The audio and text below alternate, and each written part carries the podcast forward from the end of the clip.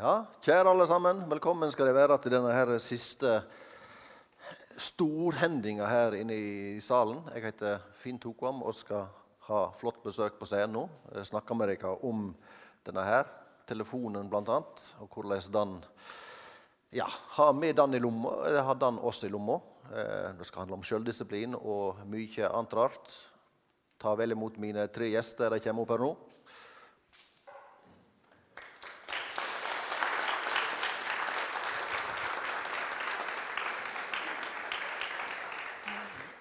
Her kommer Sissel Undheim. Hun er førsteamanuensis i religionsvitenskap. Så sitter Jan Martin Nordbotten der, professor i matematikk. Og så har vi Henrik Hylland Ulving, som er ja, tidligere utviklingssjef, digital uh, utviklingssjef. To veldig veldig fine titler. Og så en lang sånn forklar, bortforklaring på hvorfor jeg sitter her. Ja, forklaring på liksom, hva er det du driver med, egentlig. Og, og når du nå tar ordet, så kan vi jo ta deg med en gang, for du er på en måte du har vært slaven. Det er du som på en måte er caset vårt. da. Ja. ja. Og, eh, det var ja. vurdert om vi skulle sladde deg for at du har hatt det tøft. Jeg eh, tok på meg svart kaps.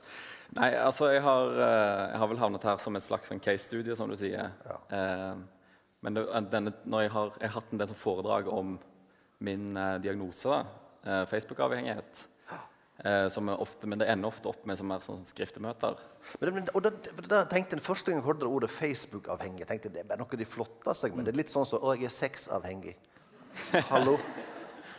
Er ikke det sånn men, ja, Det er vel kanskje ikke like hot å være liksom, Facebook-avhengig? Nei, det høres litt mer sånn nerdete Det vil jeg absolutt si. men, men, eh, ja, du, du, du var Facebook-avhengig, du, og du tok tak. Jeg måtte det. Uh, men for, liksom, for, å forklare litt Jeg, for, jeg holdt et foredrag for, uh, for, på NMD Ung nå i mai for uh, videregående elever i Hordaland, for hele bergensområdet. og da på en måte forklarer de hva det er liksom, som gjør at tiden min er blitt så utrolig pressa. Mm. og har, liksom, har et par av de slidesene jeg viste der. Ja. Det handler jo veldig mye om at det var jo Det de ikke forsto, var jo hvor sinnssykt kjedelig det var å vokse opp på 90-tallet. Og hvordan liksom Underholdningstilbudet var jo helt, var utrolig skralt. Og jeg endte opp da med eh, altså, så Jeg kan enormt mye hvis vi begynner opp til venstre. Jeg kan enormt mye om rallycross. Dette er Will Gollop, som var en kjent sånn rallycross-sjåfør. Ah, Will Gollop, ja. ja. Konkurrerte liksom i det samme greiene som Martin Skanke kjenner jo folk til. Men jeg så da alle de andre løpene òg. Ja. Og kan sånn Kenneth Hansen og Ludvig Hunsbø. Jeg kan masse sånne rallynavn. Eh, tillegg til at jeg kan eh, Når tippekampen kom, og det var pause, så var det ikke noe reklame. eller noe sånt. Da var det trav. Så jeg kan helt sinnssykt mye om trav. Eh, og så var det liksom eneste fredagsunderholdningen var Derek. Eh, og det var, måtte, det var, noen bestemt at det skulle du se mm. hvis du ville ha noe underholdning på fredagskvelden. Og så husker jeg en gang jeg begynte å grine fordi jeg ikke fikk se Norge Rundt. Eh, og så ser vi liksom alternativene. hvordan liksom tid, Tidspresset på tiden min i dag. Her er liksom de alle seriene jeg prøver å følge med på. på det i mai. Jeg rakk ikke 'Making a Murder'. Jeg hadde sett fem av, eh, fem av åtte Oscar-kandidater. Jeg prøver liksom å henge litt med på amerikanske nyheter. Jeg prøver å lese liksom, henge med på nyhetsbilder. Jeg tar spanskkurs på en sånn der mobilapp. Og så har du i tillegg alle de sosiale mediegreiene. Og Det skaper da et enormt uh, trykk på tiden. som da, Her fikk jeg lagd den animasjonen om hvordan det var når jeg skrev masteroppgave.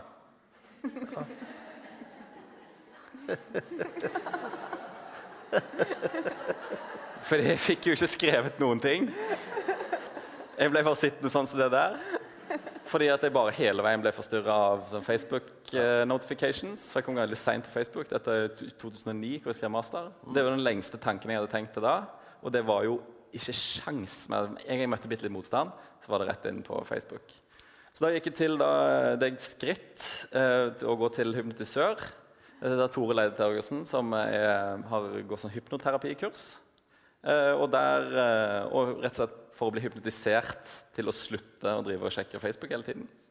Eh, og det var jo interessant. Det er flere folk som liksom har spurt sånn, hvordan det funket. Og det greiene er at finne, Hun ba meg finne to situasjoner. hvor Det ene hvor jeg var veldig konsentrert og opplevde liksom flow. Og Det var første gang jeg kom i nærheten av filmredigeringsutstyr. Eh, som er da mitt yrke nå i dag. Eh, og for Jeg husker bare jeg satt der, og tiden, timene forsvant. jeg kom ut, og så var det, var det plutselig eh, eh, var det plutselig blitt kveld. Så det, det hun gjør da, hun, bare meg slappe av, og så sitter hun og klyper et sted.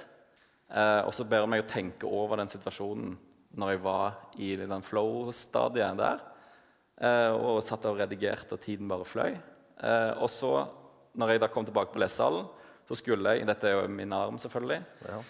Så skulle jeg klype meg sjøl der når liksom jeg merket at konsentrasjonen forsvant.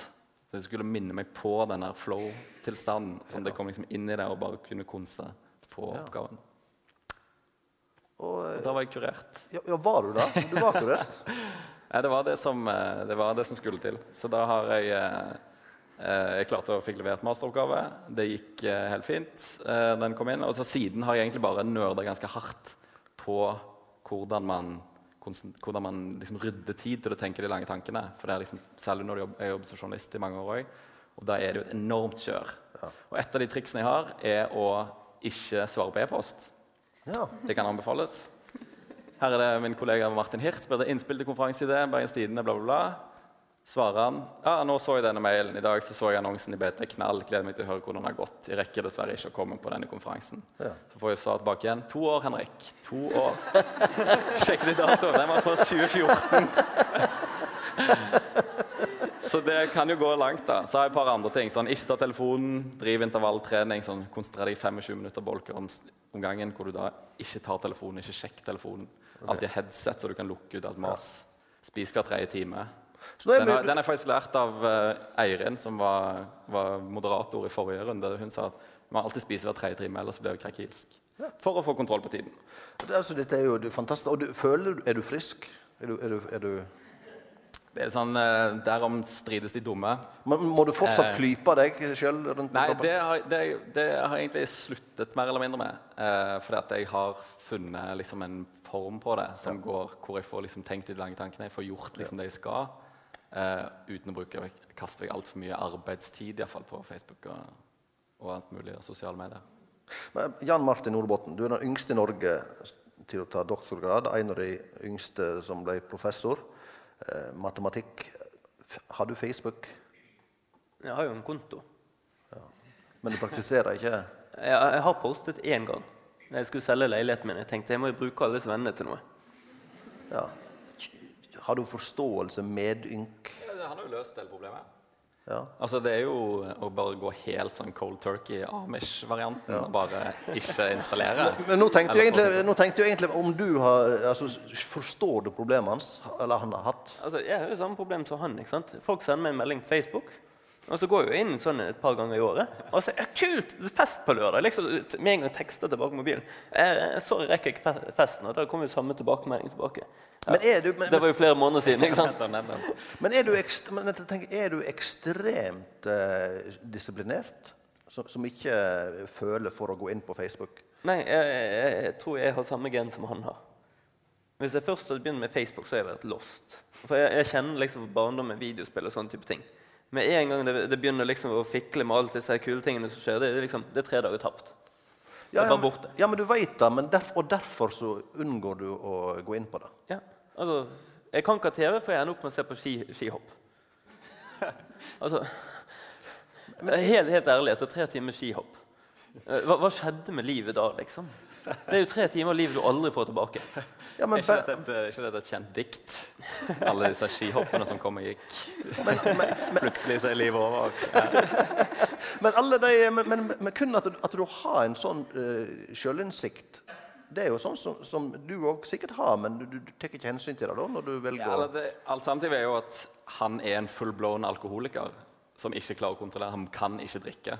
Altså han må ha liksom, Antabussen hans er jo ikke få seg en Facebook-konto. Ja. Mens jeg er liksom en sånn high functioning alkoholic som uh, kan gå inn der og poste noen bilder fra alumnus-dagene og sånn som det, men at jeg ikke, jeg ikke så du er alkoholikeren som tror at du ikke er det? Mens men jeg er alkoholikeren som skjønte at det er det. Nettopp.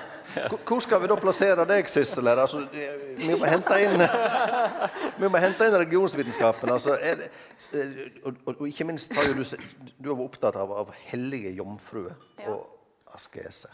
Altså, Jeg sitter og lurer på hvordan jeg skal få kobla dette på. Um, men det er jo helt klart, jeg tenker jo en, en parallell i forhold til disse tidligkristne asketene, som jeg kanskje særlig har gjort gjøre med, eh, men askese som sådan, eh, det handler jo på en måte om, om selvkontroll for å oppnå noen andre goder. da. Altså Man har en eller annen grunn til å avstå fra noe. Eh, og det er jo tydelig at du har noen måter å avstå fra Facebook på. Rett og slett stenge det ute. Og det var jo en taktikk som veldig mange eh, av disse asketene også brukte. Altså Enten stenge verden ute, eller byen ute, eller andre folk ute. rett og slett. Mure seg inne rent fysisk. Ja, du Det var jo mener en- rett, å ta helt det, fysisk? Ta det eh, så langt, Ja, ja. nettopp. Og det er jo masse gode innspill her. Til, Ja. Men jeg tror det holder å mure mobiltelefonen inne. Ja, det, Men, hadde, Ja. altså, men, men, men, men, men hva var det som Det er fordi de, de som gjorde det, da, det var jo med tanke på en langsiktig gevinst. Og det kan en jo overføre. Sant? Hvis du skal skrive en svær oppgave, så kan du si at det er målet du skal fram til. Eh, sant? Matematikeren han klarer da å, å se at du kan ikke holde på med Facebook og alt annet. For det er målet mitt der framme. Men veldig mange av oss har jo disse sidemålene. Hvordan går det på eh, Brann stadion, og hvordan er det nå? Og, altså, jeg skulle i dag da, jeg skulle google og finne ut liksom, hva er en asket sånn eh, definisjonsmakt, eller defin definisjon av det, og ender da opp med å, å se noe på Dagblad-TV om en som eh, har latt seg eh, adoptere til stefaren sin. Sant? Og kjenner meg så skitten. For det er helt i denne kortsiktige gevinsten. Dette er veldig, altså dette er jo interessant, for det forklarer en del Du skulle jo ringe oss og gjøre sånn forhåndsintervju med oss. Ja. Eh, det ble da gjort sånn for 20 minutter siden. utenfor Ja, men jeg syns det gikk veldig bra. da. Nå jeg skjønner jeg når du skal begynne å researche denne Ja, dagen her, så bare føyk du rett inn på denne på Ja. Dagblad-TV. Altså, jeg kjenner, kjenner, kjenner en forfatter. Sant? Kom ut med bok nå. Jeg skal ikke si hva han heter. Du viste Derrick i stad. Ja. Derrick er- går nå i reprise på NRK1 på ettermiddagene. Så han er nødt til å se det. da. Og det, det, Derrick på ettermiddagen er jo et kortsiktig, litt sånn fattig premiering. Er ikke det i forhold til at hun får ut ei bok? Er ikke det? Men det, det du sa om lavbluss, eh, lavbloddsgleder, altså at mennesket hele tiden er, er liksom på jakt etter noe sånn her ekstremt lav uh... Ja, for jeg tenker liksom at uh, vi, vi kjenner jo Coronation Street, verdens lengstgående uh, såpeserie. Jeg tenker at De fleste av oss har jo, må jo tapt noe helt enormt i livet vårt. Som ikke har fått med oss dette helt fantastiske TV-serien. For jeg, jeg vet ikke om noen av dere har sett på den. Har du, men du Så klart ikke. Aldri. Nei, okay, okay. Men gitt at den har gått i ti år, så må det være veldig bra. Eller 20 år, eller 30 år. Eller, det må jo være helt 40 år. jeg vet ikke. Det, det er gått liksom siden før jeg var født. Det må jo være helt fantastisk bra for å gå så lenge. Liksom, hva har vi tapt? Jeg tror liksom med hånden på hjertet jeg har ikke tapt noen ting. Jeg har hatt anledning til å leve mitt eget liv. Men vi har jo dette suget. og det er det, liksom, Da er vi tilbake på Facebook. Vi har diskutert litt tidligere at Facebook er jo en eviggående såpeserie rundt vårt eget liv. Det er jo det eneste som kan slå Coronation Street, er at du selv lever der. Og det, det er jo det som på en måte jeg tenker eh, Gjør det til et veldig sterkt og- narkotikum. Nei, men det er jo sånn, det er jo samme greiene at Derek som jeg sa, var jo noe som vi hadde på 90-tallet, og som liksom, man så det fordi det var det eneste underholdningen man hadde. Eh, det at tilbudet har økt seg enormt, tilbudet på underholdning har økt seg enormt, gjør det, det legger kanskje et ekstra trykk og ekstra krav på, på eh, ekstra press på liksom, konsentrasjonsevnen vår. Men jeg, altså, som, som sagt, jeg gjorde ikke noe mer produktivt. Jeg gikk ikke ut og klatret i trærne eller gjorde noe, noe, annet, noe nyttig. Eh, når på 90-tallet jeg, jeg satt istedenfor å så på trav. Sant? Du finner et eller annet å kaste vekk tiden din på hele tiden. Altså, ja, for Agnes Ravatn i, i, sin bok da, om operasjonen selvdisiplin hun snakker jo mye om dette. her, Hun snakker om, eh, om kalde situasjoner og varme situasjoner. At du hele tiden at du må fjerne ting Hva er som en, hva er en kald situasjon? Hva er en varm situasjon? det, det, er jo at Du må gjøre situasjonen kald. altså Du sånn. må rett og slett legge vekk fysisk telefon i et annet rom. Mm. Hun snakker om eh, forskning som viser hvor mye lavere IQ-en blir. Altså 10 hvis du blir distrahert. Og i det hele tatt sånne ting. Ja, det er sånn jeg har gjort med sparepenger. at Jeg har plassert dem på aksjefond, for da tar det tre dager å få dem ut fra aksjefondet og inn på konto igjen. Det samme prinsippet. Ja, Men, men, men Sissel, det, det, sånn religionshistorisk så, så er vel ikke det Er det vel det de, de holdt på med? da? Altså, de fjerna seg. De gjorde situasjonen kald. De fjerna Ja. seg fra Det er jo klart at Fristelsene var nok litt annerledes. Underholdningsaspektet var nok til stede, men jeg tror de fristelsene man var utsatt for og i stor grad forsøkte å unngå, var jo kanskje litt andre. da. Det var først og fremst sex og, og mat som man skulle avstå fra. Men, men etter hvert så balla det på seg, da, fordi at det kunne du møte på i alle mulige sammenhenger. Eh, men ja, altså, man måtte jo lage ulike teknikker da, for å kunne kontrollere disse fristelsene. Eller rett og slett vise selvkontroll i møte med fristelsene. Kyskhetsbelte, f.eks. Det er jo et godt eksempel. En, en, annen taktikk var jo å flykte ut i ørkenen og bo som eremitt eh, helt alene, lengst mulig borte fra andre mennesker. Fordi man da tenkte at enhver kontakt med andre mennesker ville, ville by på, by på, fristelser. Samtidig så var det jo gjerne slik at disse menneskene som klarte det, de ble så hellige at folk kom til dem fordi at de da kunne få helbredelse eller velsignelse ved å være i nærheten av dem. Så, så, så da måtte man hele tiden finne nye strategier, rett og slett. I dag gjør vi det til professor i matematikk. Men du, ja, okay, så da, da å rømme ut i ørkenen, er det litt som tilsvarende en, eh, en, student på Universitetet i Bergen som får seg hybel i Arna for liksom å unngå studentfestene og uh, ja. Eller det eneste foreldrene de nekter å betale for noe annet enn en hybel i Arna. Ja. Men, du, du, men, men altså, de, de, de, rømte da fra byene, og så var det i seg sjøl så fascinerende. At folk fulgte etter deg. Ja. Men, men, du har med et bilde. Ja. Du må, må, må ja hvis vi får se. Dette er jo da um, Simon, stylitten Simon den eldre. fordi at Han, han starta jo en hel trend, han også. Eh, I den grad eh, det å bo på en søyle kan være en trend. Men han fikk så problemer, alle de som kom etter han ut i ørkenen. Så han fant rett og slett ut at han skulle tilbake til byen. Så han flykta opp i høyden i stedet for. Og bygde da dette han, i Aleppo i Syria og litt utenfor byen der, så skal han ha først bygd opp en, en, ikke så veldig høy søyle på tre meter. eller noe sånt, Men etter hvert så ble de skifta ut, og han hadde da til slutt visstnok en søyle på 18 meter. Eh, og Der var det en plattform på toppen. Eh, denne fremstillingen her er nok ganske feil, for her ser det ut som det er et gjerde rundt. Men ifølge beskrivelsen så skal det ikke ha vært noe gjerde rundt heller. Og der, eh, der, skal han ha bodd i 36 år.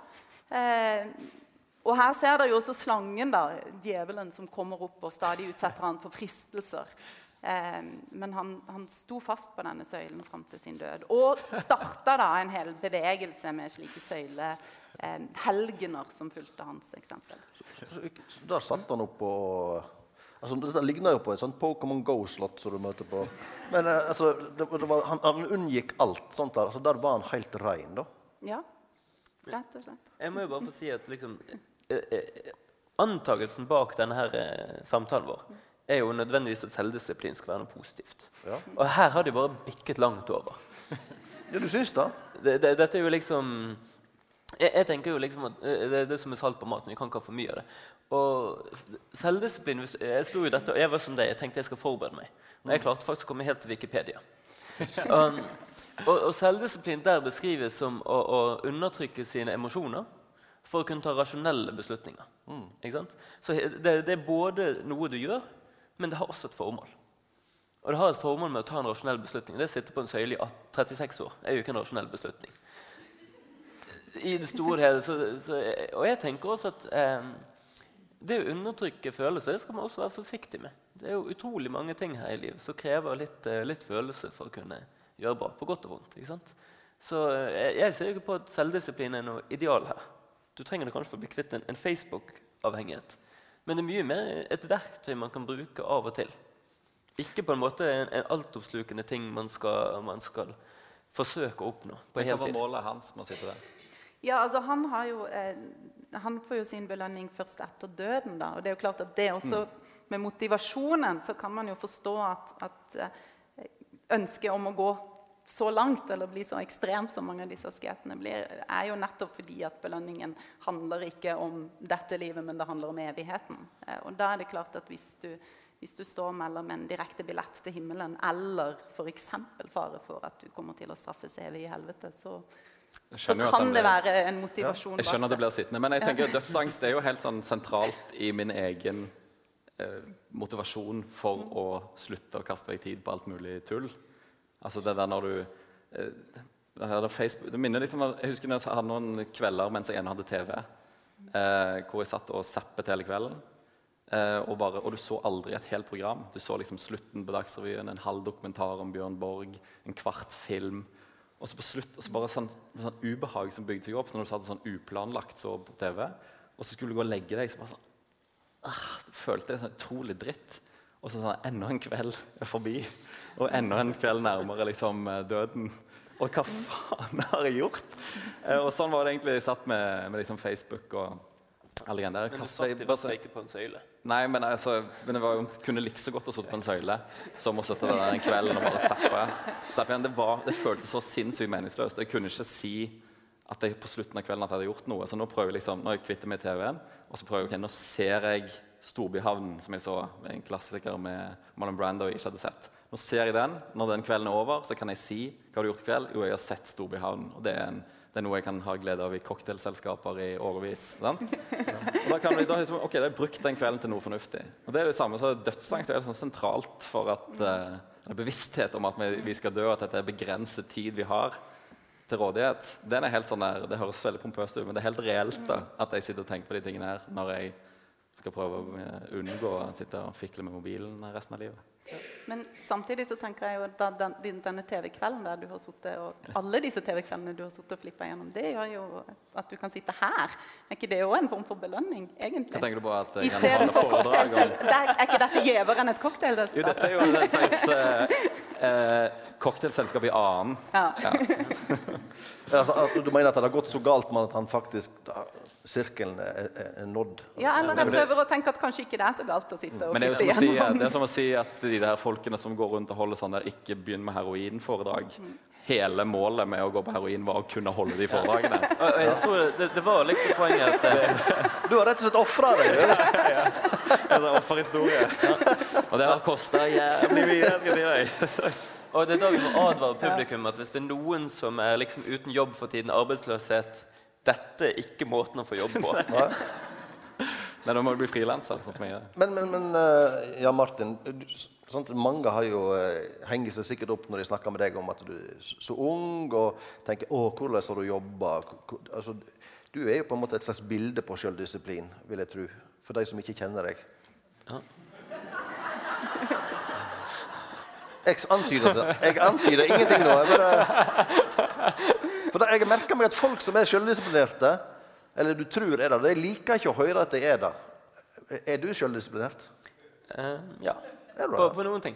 Altså, og, og det litt, der kom dødsangsten igjen. Altså, det er jo derfor jeg ikke har TV. Det er derfor jeg ikke gidder Facebook. Det er derfor Hvis det er et retorisk spørsmål i tittelen, så klikker jeg ikke på en avissak. Samme faen hva det handler om, liksom. Du vil aldri tro hva denne personen har gjort. Nei, det har du helt rett i. Ok, Så jeg, når jeg ikke trodde hva han ga til stefaren sin i bursdagspresang Da ødelegger du for oss alle. ja. Alle som trykker på de sakene der, skal ha dårlig samvittighet for å øke klikkstatistikken Ja, ja, og ta norske aviser ned i rennesteinen. Um, men jeg bare tenker at nei, livet er for kort.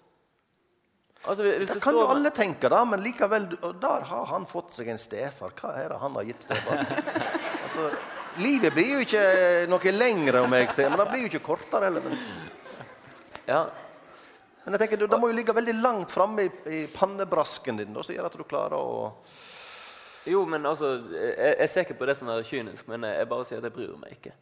Altså, øh, hvis jeg skulle brukt Facebook, så måtte det vært etter de legger inn sånn her babyfilter, så du slipper å se på det. Etter de legger inn sånn matfilter, så jeg slipper å se hva du spiste til middag i dag. Etter de har lagt inn sånn her feriefilter, så jeg slipper å se hvilken strand du lå på i, i forgårs. og sånne type ting. Da Altså, er det helt sånn Ja, vet du hva, da- hvit ingenting igjen. Så- ja, du, du du sitter jo nå og beskriver altså, Du sitter nå og beskriver YouPorn. Det er kun mulig. Det fins jo allerede. ikke ja.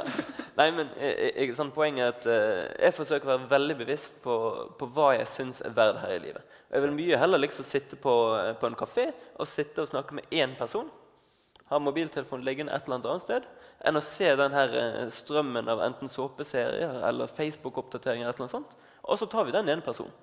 Eller eventuelt den ene filmen. Jeg er ikke noe glad i film heller, men uansett. Så den ene personen. Ikke babybilder, ikke film. Eh, det var jo dumt for min industri. Eh, men eh, det jeg tenker på altså sånn, Malcolm Gladwell er det han heter, han som har 10 000-timersregelen. Altså at du må, For å bli skikkelig god til noe, så må du bruke 10 000 timer på det for å bli flink. Hvor mange timer har du brukt på matte for å bli, komme der du er nå? Altså, jeg må innrømme at jeg begynte matte fordi at det var helt klart det letteste faget på universitetet. Å komme inn på, Generelt. Generelt. For, sant? Se på pensumbøkene. Hvis du ser bort på eh, HF eller SV, så har du så tjukk bunke med pensumbøker per kurs. I matte så har du en bok som er så tjukk, men du skal bare lese tre kapitler. Ja. Så, så du kommer jo gjennom det, hvert kurs. Det liksom, hvis du leser ett kapittel for dagen, så det, tar du et kurs på en Men hvor mye leste du når du studerte? Ja, ett kapittel for dagen.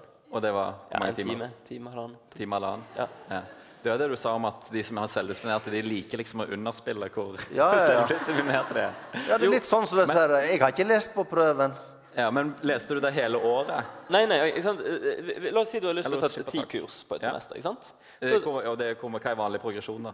Ja, tre. Tre, Eh, ja. La oss si du har lyst til å ta ti kurs. Ja. Og så sier du at jeg skal bruke én uke per kurs. I matematikk så betyr det ett kapittel for dagen. ikke sant? Okay, så så er etter ti, ti uker så er du ferdig med, ferdig med på en måte. Ja, sånn. Det har gått to og en halv måned. Vi begynner i midten av august, og september-oktober da tar du november fri. Mhm. Ikke sant? Du tar i hvert fall noen uker fri før du begynner å lese opp til eksamen igjen. Ja. Ja. Men hvis du jobber en og en halv time dagen hva- Ja, hva- altså, altså, av og til er det litt vanskelig, så jobber du tre. Ja, OK, jeg jobber tre, da, men du har fortsatt mange Men nå timer. jobber jeg mye mer. Altså, dette er en forskjell. Nå jobber jeg mye. Nå jobber jo døgnet rundt. Ja, men men det er jo liksom fordi at eh, altså, eh, Og det å være akademiker, der er Facebook-fellen. Skal bare liksom en ekstra artikkel, skal bare følge opp en eller annen medforfatterskap, skal bare liksom være editor for nok et tidsskrift, skal bare være med og organisere noen ting på en konferanse. Altså, akademikere har sin egen Facebook, og det kalles jobb. Den er er skummel. Det, er... Det kalles jobb. Jobb, ja. ja. Og, og den er skummel. Der ser jeg mange kolleger som sitter på, på tredemøllen. Altså. Som går på den smellen at de publiserer så mye og Ja, har masse sant? foredrag på konferanser. Utrolig skummelt. Ja, Før, før du vet sånn- ordet, ikke sant? så eh, jeg hadde liksom både kone og barn som er 16, og du har ikke sett noen av dem. så det Hvor mange barn har du? ingen ennå, Ja, tror jeg. Som du vet, jeg. ja. Ja. som du har sett. Som vi har sett. Ennå ikke sett dem. Men, men, men tilbake til disse asketene. Jeg vil, vil dra inn litt sånne her som virkelig eh, ofrer seg og, og virkelig eh, jobber målbevisst. Eh, hva metoder hadde de? da? Hadde de noen spesielle metoder for å klare å bli hellige jomfru, eller, eller hva som var målet? Ja, metoder og metoder. Det, det, det var ganske sånn, tydelige instruksjoner etter hvert det utvikla seg. Det var, det var jo stort sett menn da, som var veldig opptatt av hvordan man skulle gå fram for å, for å bli så hellig som mulig. Eh, også for damer som skulle bli hellige. Så de skrev lange brev. Og igjen så var det jo dette med å hele tiden prøve å beskytte seg mot alle disse fristelsene som var ute i verden. Eh, en av disse kirkefedrene, Kironimus, eh, som for øvrig kanskje er mest kjent fordi han oversatte Bibelen til latin eh, for lenge, lenge siden, eh, han, han skriver da til en av disse jomfruene om alt hun kan utsettes for av farer. Eh, og skal han gi et lite eksempel fra sitt eget liv og det han har gitt avkall på. Han har forlatt familien, og han skulle dra ut i ørkenen. Men det som var veldig vanskelig for han å gi avkall på, det var biblioteket. Så han var jo egentlig litt akademiker. eh, Sånn sett, og Han syntes det var forferdelig vanskelig å legge fra seg disse hedenske bøkene. Så det endte med en, eh, rett og slett en, en ganske dramatisk visjon der han var syk, og han ble, følte at han ble satt foran en stor dommer. Eh, og han ble spurt da tror du på Kristus eller tror du på Cicero. Og Det var liksom en sånn stor skjellsettende opplevelse for han. Og det endte med at han, han klarte til slutt å gi avkall på alle disse hedenske skriftene. Men, men det, var, det var den hardeste asketiske øvelsen han følte i hvert fall at han skulle bekjenne. da. Men, men hva tenker du, tenker du om det liksom i religion? At, eh, for, for det du beskriver, er også den eh, motsetningen med det å, å kutte seg selv av fra det. Og det å la seg selv utsette for det, men med å være sterk nok liksom, psykologisk og mentalt og sånn, til å motstå det. Og det, en, det å motstå det er jo på en måte selvdisiplin. Og det å måtte bure seg selv inne som vi må, eh, det er jo mangel på selvdisiplin. Men du vet hva du skal gjøre for, for å håndtere situasjonen. Hvordan ser du det i forhold til disse religiøse eksemplene? Ja, Det ser jo ut som det er en sånn spenning hele tiden. da. Altså, fordi at man kan mure seg inne, men det dukker stadig opp nye farer. Og nesten selv når du er isolert og sitter alene med ditt eget hode, så er det også mange farer. Så, så, så den øvelsen da, som askesen er, og den treningen som det er, det er jo da hele tiden ikke bare de fysiske fristelsene, men også det som sitter i ditt eget hode. Ja, men, men, eller, Dere har jo sett noe forskning som bl.a. Agnes Ravatn refererer til, og som eh, Barack Obama har liksom inn, bruker de samme prinsippene der. eh, og det er sikkert samme forskningen han har lest, det der at du har et begrensa mengde viljestyrke hver dag. Sånn at Obama har to farger på dressene. og så er liksom, det er den blå, eller det er den svarte eller grå. eller hva det er. Og det er det eneste, Sånn at han skal begrense antall sånn mundane valg han tar tidlig på dagen. Sånn at han har liksom overskuddsbeslutningsevne uh, ja. til, uh, til, de kommer til de virkelige store, til man skal liksom atomknappen og mm. alle mulige hvilke man skal, han skal, De store, viktige beslutningene som han uh, sitter med. Det er jo interessant bare sånn at det der at du har en viss mengde viljestyrke hver dag, og du må ikke kaste den vekk på sånne idiotiske ting. På, skal, du, skal, du, pusse tennene før du tar på deg kontaktlinsene? Skal du, altså det er masse ting sånn at, sånn at det jeg har gjort, er jeg har lagt opp sånn der at alle toalettsakene ligger i rekkefølge om morgenen. Eller jeg, jeg, jeg, jeg har slutta med det. Men jeg hadde en periode der jeg på kvelden før bare dit, dit, dit, la de en fast rekkefølge. Det er litt skummelt det du sier. Det hører litt sånn banjomusikk. Nei, og jeg har testet ut alt dette. Da. Jeg har testet ut veldig mye sånne der, uh, metoder som jeg har uh, lest om, og som uh, har blant annet som, som Pomodoro-teknikken, f.eks. Kan jeg jo ta et eksempel, som er jo en sånn, italiensk student som fant ut at Pomodoro betyr tomat på italiensk. Du, fordi de er kjøkkenurene som, er, som, du vrir rundt. Og så vrir den til 25 minutter, og så står den og tikker i 25 minutter. Og i de 25 minuttene skulle han konse på én ting. Og så ga han seg sjøl fem minutter pause, og så tok han en ny pomodoro. Så satt han og førte regnskap over hvor mange sånne 25 minutter han fikk til i løpet av en dag. Det er en greie jeg testet ut når jeg var i BT. For det. også hvis det kommer forstyrrelser, så skriver du dem bare ned og sier du, jeg kommer tilbake til deg om ti minutter. Eller du bare trykker på 'avvis' når det ringer. Eh, og så samler du bare for å rydde liksom, de 25 minuttene. For det er, det er akkurat nok tid til at du stort sett kan utsette det aller meste til den 25 minuttene over. Og så kan du eh... Jeg, jeg, forsto ikke dette. Hva er det du ikke kan utsette med 24 timer? Nei, sant. Nei, men, du, altså, det, men det går på det samme at du har en viss mengde konsentrert, altså gode timer hver dag. Da. Sånn som Du sa at du, hadde, du studerte én til tre timer hver dag. Det er liksom, Du har noen gode timer, og de må du sørge for å bruke til det viktige, altså sånn at de tre gode timene du har, da, de går mot det 10 000-timersmålet, f.eks. Sånn, sånn at du sikrer at du hele veien beveger deg mot det langsiktige målet ditt. Og så kan du fjase og tulle utenom. Uh, de, men, men utenom. du som har vært uh, Facebook-narkoman, um, hva tenker du egentlig om arbeidsnarkomane? Er det liksom selvdisiplin, eller er det totalt mangel på selvdisiplin? Nei, Det er jo en måte å liksom bli, uh, bli uh, altså Hvis du ser Jeg bare kaster ny forsker på deg. Uh, Angela Duckworth, som, skrevet, som, er psykolog, som har skrevet om grit, om standhaftighet, og hvordan det altså hvor, my, hvor mye større, hvor høyere korrelasjon det er mellom folk som er standhaftige og suksess, enn folk som har talent og suksess. Talent er mye mye mindre viktig enn standhaftighet. Altså at du bare vedvarer. Og der Hun deler opp standhaftighet eller grit-begrepet sitt i to to varianter. Det ene er persistence, altså at du, det er vel egentlig det som er standhaftighet. Og det andre er passion, at du faktisk interesserer deg for det du holder på med, om det er matte eller religion eller Facebook. Eh, for min del. Eh, og at det sånn arbeidsnarkoman-elementet kommer nok med denne passion-biten. At du faktisk du syns dette det du holder på med, er så interessant at når du først kommer i liksom, eh, mooden, så henger du, altså, er du, der i flowen, så er du der og eh, blir, blir værende der kanskje til ut, så har du kommer konfirmasjonsdagen, og så har du ikke sett ungen din. Eh, men altså, det, det, kan gå for langt, det òg. Men at det er, der ligger nok det der arbeidsnarkoman-elementet, ligger den passion-armen i uh, grit-begrepet. men i, i, stor grad, og det gjelder jo oss alle, vi veit jo når altså vi er jo, hva skal jeg si, I teorien er vi jo rasjonelle i stor grad, men, men i praksisen da gjennomføringen av dagen og livet vårt, så er vi irrasjonelle. Mm. Eh, likevel, ja, likevel så, så, går vi inn på Facebook. Vi vet at nå burde jeg jobbe med oppgaven, men jeg går inn der, eller jeg, jeg gjør de tingene der. Og så kan en gå sånn som Agnes Ravatn nå gjør, og si at eh, ja, men vi stammer jo fra altså, apekattene. Sant? De, de apekattene som har på en måte vokst seg store og blitt menneskene til slutt, det er jo de som har overlevd. Det er jo de som har stoppa ved hver eneste bærbusk og ete når de har hatt muligheten. Og når de har møtt en annen apekatt, så har de hatt sex når de har kunnet gjort det. Så altså, vi har jo alt, De som har overlevd, som har blitt til oss, det er jo de som har tatt alt de har kunnet få. Sant? Så er ikke det reinvasker ikke det oss litt? At vi er på en måte de grådige som har blitt, uh, blitt oss? Jeg tror du skal være veldig veldig forsiktig med å argumentere med hvor vi kommer fra som en unnskyldning for hvem vi er i dag, og hvor vi har lyst til å gå. Altså det, en ting er at han asketen sannsynligvis ikke fikk noen barn på 36 år og på toppen av en eh, av påle. Er Jeg er helt enig at det var ikke en sterk reproduktiv strategi.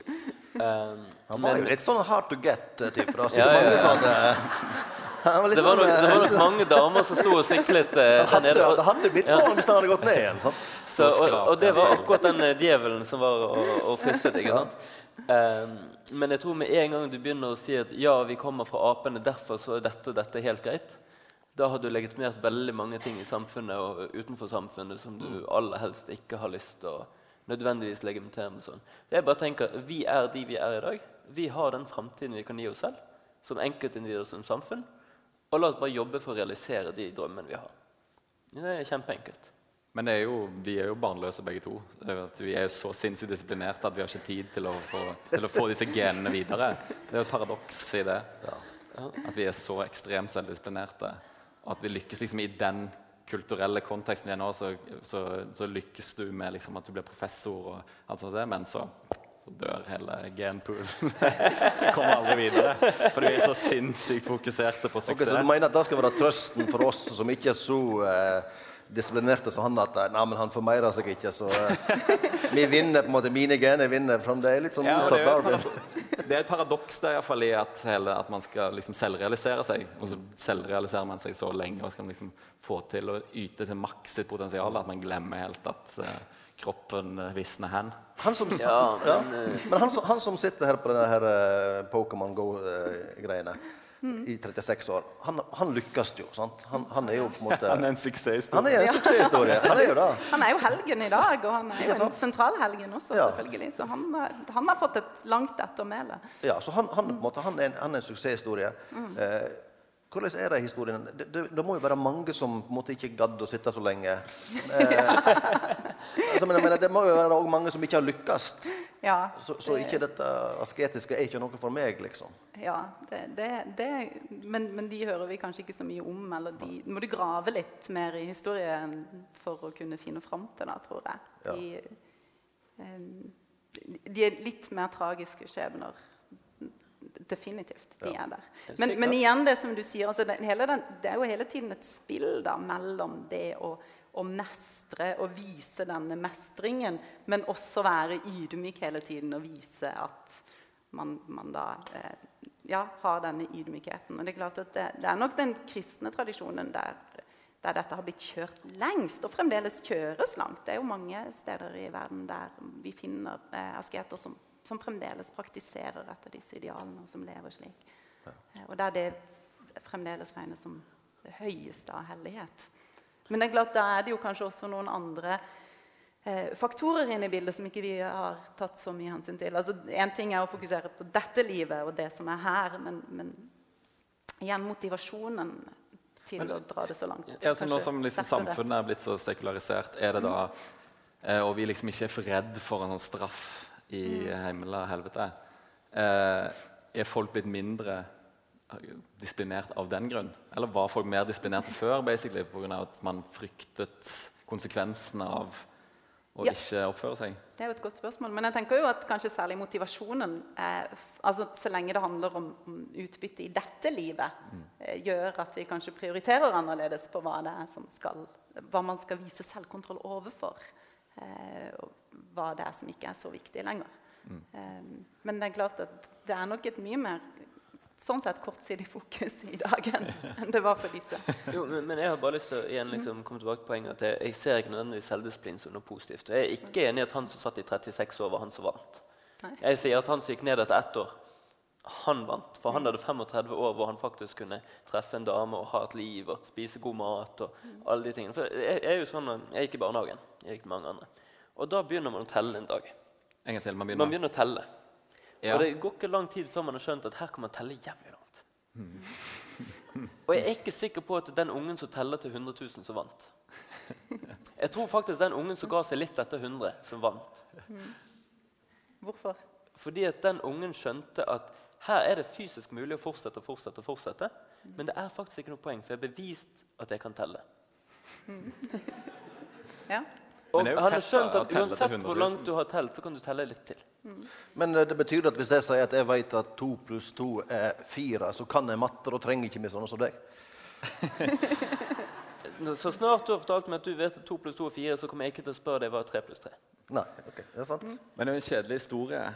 Både han som satt i ett år, er jo en ganske døll historie. Det er en grunn til at ikke vi snakker om han her i dag. Jo, vi ville Og det samme, men han kiden som telte til 100 000, han som satt i barnehagen, telte til 100 000.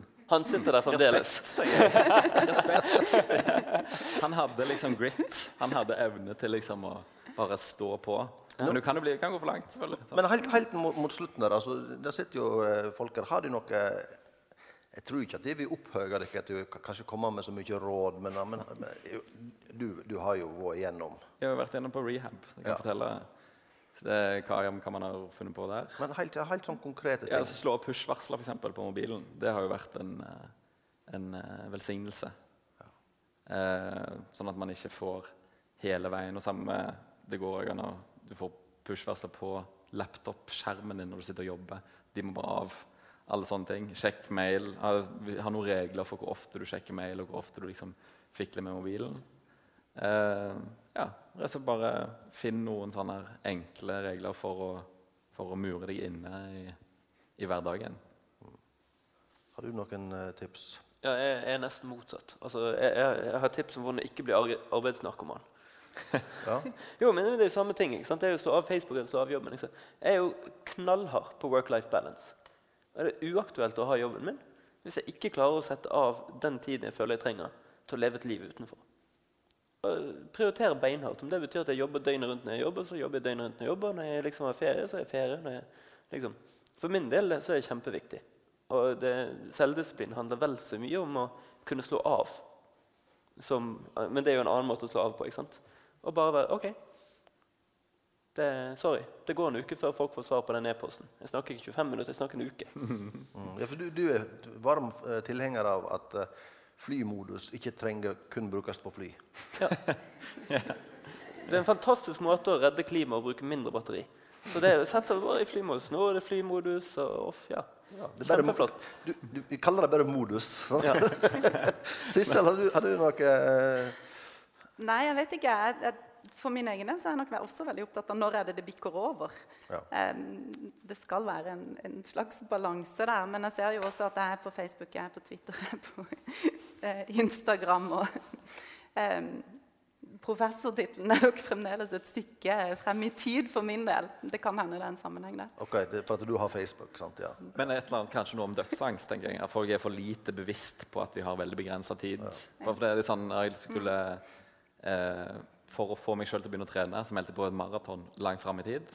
Og det gjør jo så sinnssykt vondt. Eller frykten for hvor vondt det kom til å gjøre hvis ikke jeg trente, var nok til at jeg dreiv meg ut sånn daglig for å trene i en uke. Så det der å bli mer bevisst på at vi skal dø, tenker jeg, helt uh, Det tror jeg vi kan ha, Der har vi mye fra din faggren som kan liksom eh, brukes for å bli mer dis disiplinerte. Hver dag tenker jeg 'husk at du skal dø'. Husk du skal dø, ja. Memento mori. Ja. Og så sier jeg tusen takk, og gi en varm applaus til Sissel Lundheim. Ja. Jan Martin Nordbotten og Henrik Hylland Ulving. Tusen takk for oss.